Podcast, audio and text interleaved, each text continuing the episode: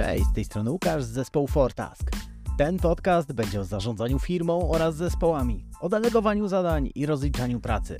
Więc jeśli jesteś właścicielem, menedżerem lub prezesem, zapraszam do dalszej części odcinka. W pierwszym odcinku naszego podcastu porozmawiamy o jednym z kluczowych aspektów efektywnego zarządzania, czyli delegowaniu zadań. Tym odcinku omówię, dlaczego delegowanie zadań jest ważne i jakie korzyści płyną z tego procesu dla menedżerów, pracowników oraz organizacji. Następnie przejdę do omówienia sytuacji, w których warto delegować zadania oraz kryteriów doboru zadań do delegowania. Porozmawiamy również o monitorowaniu postępu, udzielaniu wsparcia oraz ocenie wyników i dawaniu konstruktywnego feedbacku. Mam nadzieję, że ten odcinek dostarczy Wam wartościowych informacji i narzędzi, które pomogą Wam stać się lepszymi liderami. Zapraszam do części merytorycznej. Jaki jest najważniejszy powód, dla którego zadania należy delegować? Prawidłowa odpowiedź to to zależy. Zależy od wielu, e, wielu elementów. Przede wszystkim od tego, kim jesteśmy w organizacji. Przyjmijmy, że jesteśmy menedżerem. Najważniejszy powód, dla którego zadania należy delegować jako menadżer, to poprawa efektywności własnej oraz zespołu. Delegowanie zadań pozwala menedżerowi skoncentrować się na kluczowych obowiązkach i strategicznym myśleniu, zamiast angażować się w codzienne, operacyjne zadania. Dzięki delegowaniu menedżer może lepiej wykorzystać zasoby swojego zespołu, a pracownicy mają możliwość, żeby się rozwijać, zdobywać nowe doświadczenia, poczuć większe zaangażowanie oraz odpowiedzialność za realizację swoich zadań. W efekcie zespół działa sprawniej, co prowadzi do lepszych wyników i sukcesu całej organizacji. Jak zatem wybrać, które zadania należy delegować? Jest to oczywiście decyzja i odpowiedzialność menadżera. Są narzędzia, z których można skorzystać, m.in. matryca Eisenhowera. Składa się ona z czterech kwadratów, ale skupię się w tej chwili na dwóch najistotniejszych. Tam, gdzie mamy zadania ważne i pilne oraz ważne, ale niepilne. Otóż zadania ważne i pilne to są zadania, które wymagają oczywiście natychmiastowej uwagi i zwykle powinny być wykonane przez menadżera albo osoby o odpowiednich kompetencjach. W przypadku przeciążenia pracą należy je tutaj zdelegować, bądź należy rozważyć zdelegowanie tych zadań. Oczywiście należy je delegować do zaufanych pracowników, którzy dysponują odpowiednimi umiejętnościami. Drugim elementem są zadania ważne, ale niepilne. Zadania w tym kwadracie mają strategiczne znaczenie, ale nie wymagają natychmiastowego działania. I to zazwyczaj e, jest idealne zadanie do delegowania, ponieważ można przekazać je innym pracownikom, którzy będą je realizować, raportować, jednocześnie zostawiając sobie czas na ich nadzorowanie, wsparcie. Te zadania mogą obejmować rozwój nowych projektów, szkolenia bądź optymalizację procesów. Parę słów o drugiej stronie medalu, o której zazwyczaj się nie mówi, a mianowicie o kontroli. Kontrola jest nieodzowną częścią delegowania. Skuteczna kontrola realizacji zadań polega na równoczesnym uniknięciu takiego mikrozarządzania i utrzymaniu odpowiedniej kontroli nad projektem. Kilka wskazówek, na co należy zwrócić uwagę. Po pierwsze, ustal jasne cele i oczekiwania. Upewnij się, że pracownik rozumie swoje cele, zadania, ramy czasowe oraz oczekiwania dotyczące jakości pracy. Określając również konkretne wskaźniki sukcesu, które mogą pomóc ocenić postępy i wyniki. Tutaj można posłużyć się chociażby delegowaniem typu SMART. Kolejnym elementem są regularne aktualizacje i sprawozdawcze. Należy ustalić z pracownikiem regularne spotkania lub formę raportową, na których będziemy otrzymywać informacje na temat postępów, ewentualnych problemów. Frekwencja tych spotkań powinna być dostosowana do charakteru zadania i poziomu zaufania do pracownika. Tutaj można skorzystać z PDCA, czyli cyklu Deminga, dzięki któremu możemy pracować regularnie właśnie nad rozwojem danego elementu. Kolejnym, trzecim punktem jest wsparcie i dostępność. Przede wszystkim należy zapewnić pracownikowi, któremu dajemy zadanie, wsparcie oraz być dostępnym dla niego, żebyśmy mogli w tym momencie udzielić mu rady, skonsultować jakiś pomysł bądź ewentualnie pomóc. Czasami trafiamy na ścianę i potrzebujemy porozmawiać z kimś na ten temat, co można w tym wypadku zrobić, podzielić się doświadczeniem. Dzięki temu nie narzucamy w tym momencie swoich rozwiązań, pozwalamy na samodzielne podejmowanie decyzji, ale zapewniamy wsparcie właśnie przypadku, kiedy jest ono niezbędne. Czwartym punktem jest przejmowanie inicjatywy bądź zachęcanie pracowników do podejmowania takiej inicjatywy i samodzielnego rozwiązywania problemów. Dzięki temu czują oni większą odpowiedzialność za zadanie i będą bardziej zaangażowani w jego realizację. Piątym punktem jest wyznaczenie granic. Należy ustalić, gdzie leżą granice odpowiedzialności, dać jasne uprawnienia. Dzięki jasnym wskazówkom, w jakich sytuacjach należy zgłosić się e, do Ciebie po konsultację lub zatwierdzenie, unikamy nieporozumień. Ostatnim, szóstym punktem, na który trzeba zwrócić uwagę, jest ocena wyników i przekazanie feedbacku. Po zakończonym zadaniu należy przeprowadzić jego ocenę, przedyskutować z pracownikiem jego osiągnięcia oraz obszary, w których mógł poprawić efektywność. Udzielenie konstruktywnego feedbacku może pomóc pracownikowi się rozwijać, a w firmie osiągać rezultaty szybciej w przyszłości. Na co zwrócić uwagę przy wykorzystaniu narzędzi do zarządzania?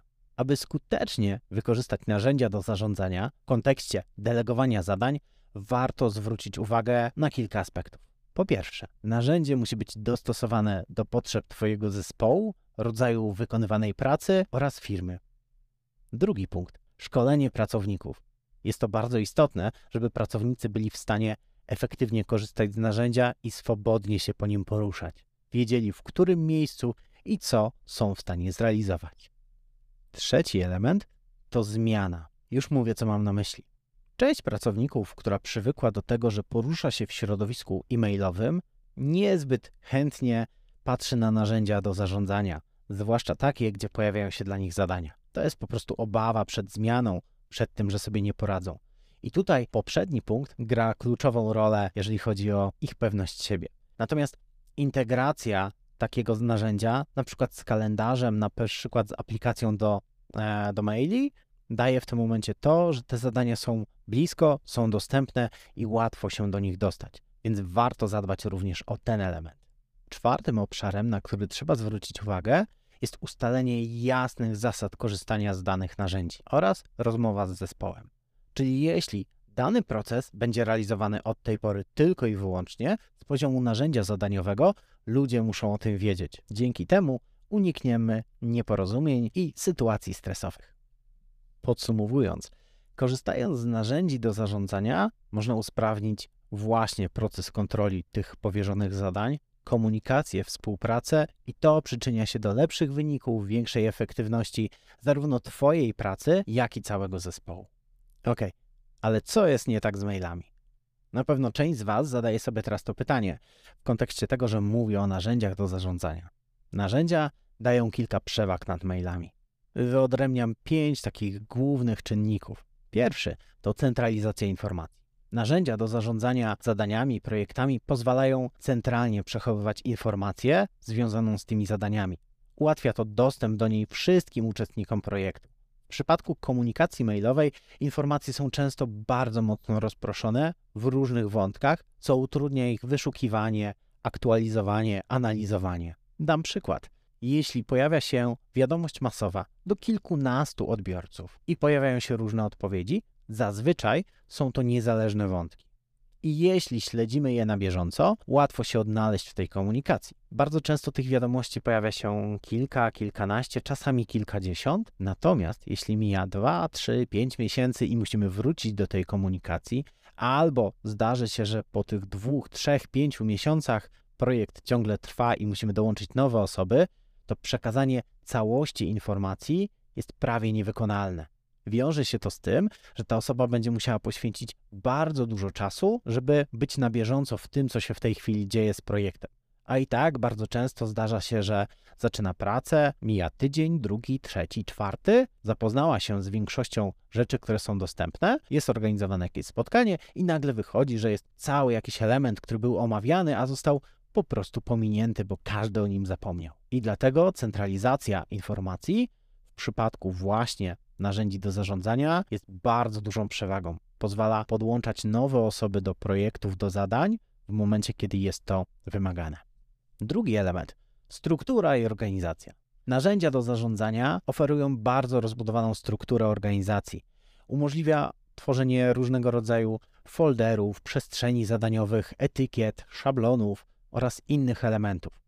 Dzięki temu łatwiej jest śledzić postępy, przydzielać nowe zadania, pracować z priorytetami, ustalać zależności pomiędzy danymi elementami zadania. Komunikacja mailowa nie posiada takiej struktury i może to prowadzić do chaosu i utraty kontroli nad projektem. Trzecim elementem jest monitorowanie postępów. Dzięki narzędziom do zarządzania można łatwo śledzić postępy realizacji zadań, ustalać terminy, a także oznaczać zadanie jako zrealizowane, potwierdzone, zakończone. W ten sposób jest to bardzo jasny sygnał, na jakim etapie znajduje się dane zadanie. W przypadku komunikacji mailowej nie jest to możliwe, a przynajmniej może być bardzo trudne do zrealizowania, ponieważ wiadomości mają różną strukturę u różnych osób, które je otrzymują. Czwarty aspekt współpraca i komunikacja. Narzędzia do zarządzania ułatwiają tą współpracę, zarówno wymianę plików, linków, komentarzy w kontekście tego konkretnego zadania. Pozwalają pozostać właśnie w kontekście. To znaczy, że ta komunikacja odgórnie jest spięta z danym konkretnym zadaniem, dzięki czemu dużo łatwiej właśnie do niej wrócić. To jest to, o czym mówiłem w pierwszym punkcie, czyli podłączenie nowej osoby do projektu. Dzięki temu jest to szybsze, prostsze i dużo bardziej efektywne. Punkt piąty. Transparentność. Użycie narzędzia do zarządzania zapewnia większą transparentność działań, ponieważ wszyscy uczestnicy mają wgląd w aktualny stan zadań, terminów oraz widzą priorytety przypadku komunikacji mailowej informacje są często przekazywane tylko wybranym osobom, co może prowadzić do braku zaangażowania, frustracji, a czasem nawet działania w różnych kierunkach. Czyli jedna osoba idzie w prawo, druga osoba idzie w lewo. I w ten sposób wykonują kawał dobrej roboty, która jest nikomu niepotrzebna i marnują czas oraz pieniądze. Podsumujmy kwestię e-maili. Mimo, że komunikacja mailowa może być skuteczna w pewnych sytuacjach, wykorzystanie narzędzi do zarządzania zadaniami oferuje wiele korzyści w kontekście delegowania zadań. To jest przede wszystkim usprawnienie komunikacji w zespole, łatwiejsze śledzenie postępów w realizacji zadań, centralizację informacji związanych z danym zadaniem, lepszą organizację i priorytetyzację, możliwość współpracy w czasie rzeczywistym i możliwość wyeksportowania tych zadań na zewnątrz, na przykład do kalendarza. Wykorzystując narzędzia do zarządzania, menedżerowie oraz pracownicy mogą osiągać lepsze wyniki, a cały proces delegowania staje się bardziej efektywny, przejrzysty i zorganizowany. Na samym początku wspomniałem, że na końcu powiemy o feedbacku. Otóż udzielenie feedbacku pracownikowi jest ważne z kilku powodów. Pozwala mu się przede wszystkim rozwijać zawodowo, pozwala utrzymać jego motywację, poprawić wydajność oraz zbudować zaufanie w zespole. Korzystając z narzędzi do zarządzania, możemy bazować na statusach, etykietach, możemy wypracować swój sposób, kiedy zadanie wymaga feedbacku. Dzięki temu nigdy nie pominiemy tego kroku. Podsumujmy ten odcinek. Delegowanie to nie tylko prosta informacja, co ma być efektem. Delegowanie to świetna okazja, żeby zbudować relacje, zbudować środowisko, w którym będziemy pracować. Delegowanie zadań musi się opierać o konkretne elementy. Tu wspomniałem o smarcie. Rozliczanie zadania, jeżeli odbywa się cyklicznie, może wykorzystywać na przykład cykl Deminga. Chyba też nie muszę nikogo przekonywać, że delegowanie zadań warto zrobić za pomocą dedykowanego narzędzia, a nie za pomocą e-maili. Jeżeli natomiast jesteś zwolennikiem wiadomości mailowych, to pomyśl, co zostało zdelegowane w Twojej firmie 3-4 miesiące temu i nie zostało jeszcze zrobione. Na pewno będziesz w stanie coś sobie przypomnieć. I pomyśl, ile potrzebujesz czasu na to, żeby dowiedzieć się, co się z tym stało. Chciałbym pozostawić Cię właśnie z tą myślą. Dziękuję za wysłuchanie dzisiejszego odcinka. Mam nadzieję, że znalazłeś tu cenne informacje i wskazówki, które pomogą Ci w codziennej pracy. Jeśli chciałbyś być na bieżąco z naszymi nowościami, poradami i kolejnymi odcinkami, zapraszamy do śledzenia naszego profilu na LinkedIn. Wystarczy wyszukać Fortask oraz kliknąć Obserwuj. Do usłyszenia już za dwa tygodnie.